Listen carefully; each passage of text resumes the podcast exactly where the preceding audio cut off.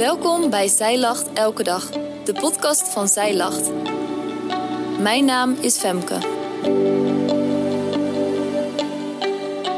Dit is de overdenking van 18 november, geschreven door schrijfster Marijke Gootjes Verhoeven. Soms zie je iemand van wie de blijdschap afstraalt. Het heeft iets te maken met de manier waarop iemand de wereld inkijkt. Het zijn de ogen die twinkelen. Dat kan zijn omdat iemand degene een binnenpretje heeft of een plezierig moment beleeft. Het kan komen door een bijzondere belevenis of gewoon een vrolijk karakter.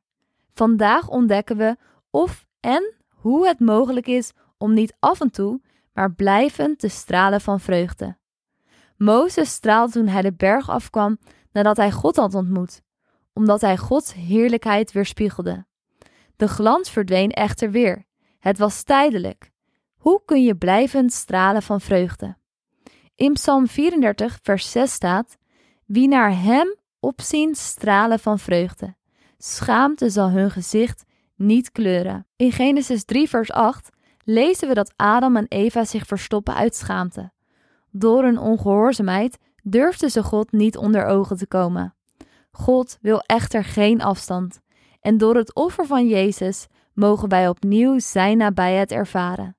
Zonder angst voor straf, zonder veroordeling. Geen schaamte meer, maar stralen van vreugde. Dat klinkt goed. Maar hoe werkt dat nou in de praktijk? Het werkwoord opzien gaat over aanbidden, adoreren, hoogschatten, ontzag hebben, opkijken naar. Dat doet mij denken aan een klein meisje dat omhoog kijkt naar haar papa. Haar vader die groot en sterk is en van wie ze verwacht dat hij er altijd is en haar helpt. Een meisje dat straalt van vreugde als ze haar papa in de ogen kijkt, omdat ze ziet hoeveel hij van haar houdt en zijn armen naar haar uitstrekt. Een vader die haar aanmoedigt, die haar liefdevol in de gaten houdt en optilt als ze dreigt te vallen. Opzien naar je hemelse vader en daardoor stralen van vreugde. Is dat hoe je nu staat in jouw relatie met God? Het kan zijn dat jouw eigen vader je heeft teleurgesteld, waardoor je moeite hebt met God als vader. Misschien zie je niet naar hem op, maar tegen hem op. Ben je eigenlijk bang voor hem of voor veroordeling? Misschien ben je wel een rebelse dochter die liever haar eigen gang gaat. Onafhankelijk en zelfstandig. Of misschien heb je moeite met het geloven dat God jou ziet als zijn geliefde dochter. Maar wees eens eerlijk. Verlang jij er ook niet naar, naar blijvende innerlijke blijdschap? Door Jezus sterven aan het kruis ben jij gereinigd, ben je geheiligd en gerechtvaardigd. Jezus hing naakt aan het kruis om jouw schaamte weg te nemen. Jij bent Gods geliefde kind en Hij is jouw hemelse, liefhebbende Vader. Je mag in alle vrijmoedigheid naar Hem opzien.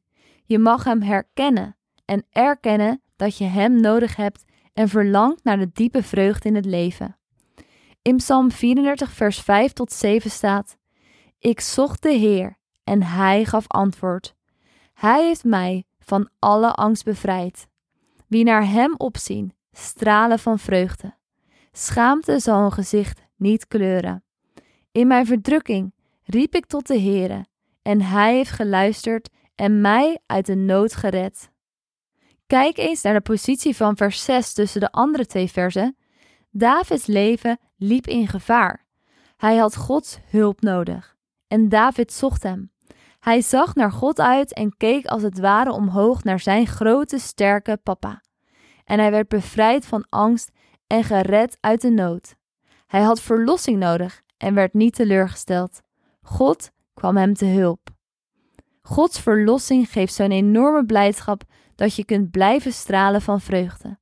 Ook jij en ik mogen Gods verlossing aannemen, zowel voor de toekomst als voor elke dag in het hier en nu. Soms zul je net als David te maken hebben met de vijand. Ook zijn er momenten dat je opziet tegen moeite, uitdagingen of ontmoetingen die jou te wachten staan. Hoe begint jouw dag? Opzien tegen of opzien naar? Opzien naar God, zodat je beseft van wie je hulp kunt verwachten. Wetend dat je niet teleurgesteld zult worden, omdat jouw redding van Hem is. Dan zullen je ogen twinkelen. Je zult blijvend stralen van vreugde. Tot slot in Psalm 34, vers 9. Proef en geniet de goedheid van de Heer. Gelukkig de mens die bij Hem schuilt. Voordat je gaat, Advent start dit jaar op 3 december. Doe jij mee met ons leesplan Samen met Maria? In dit leesplan behandelen we in drie weken het loflied van Maria met prachtige adventskaarten om mooi in huis neer te zetten.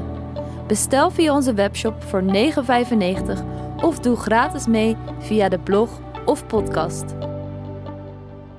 Dankjewel dat jij hebt geluisterd naar de overdenking van vandaag.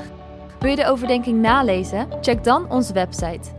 Je vindt er ook meer toffe dingen die jou helpen om de Bijbel vaker te openen, zoals boeken, Bijbels, cursussen en evenementen. Morgen ben ik weer bij je terug met een nieuwe overdenking. Tot dan!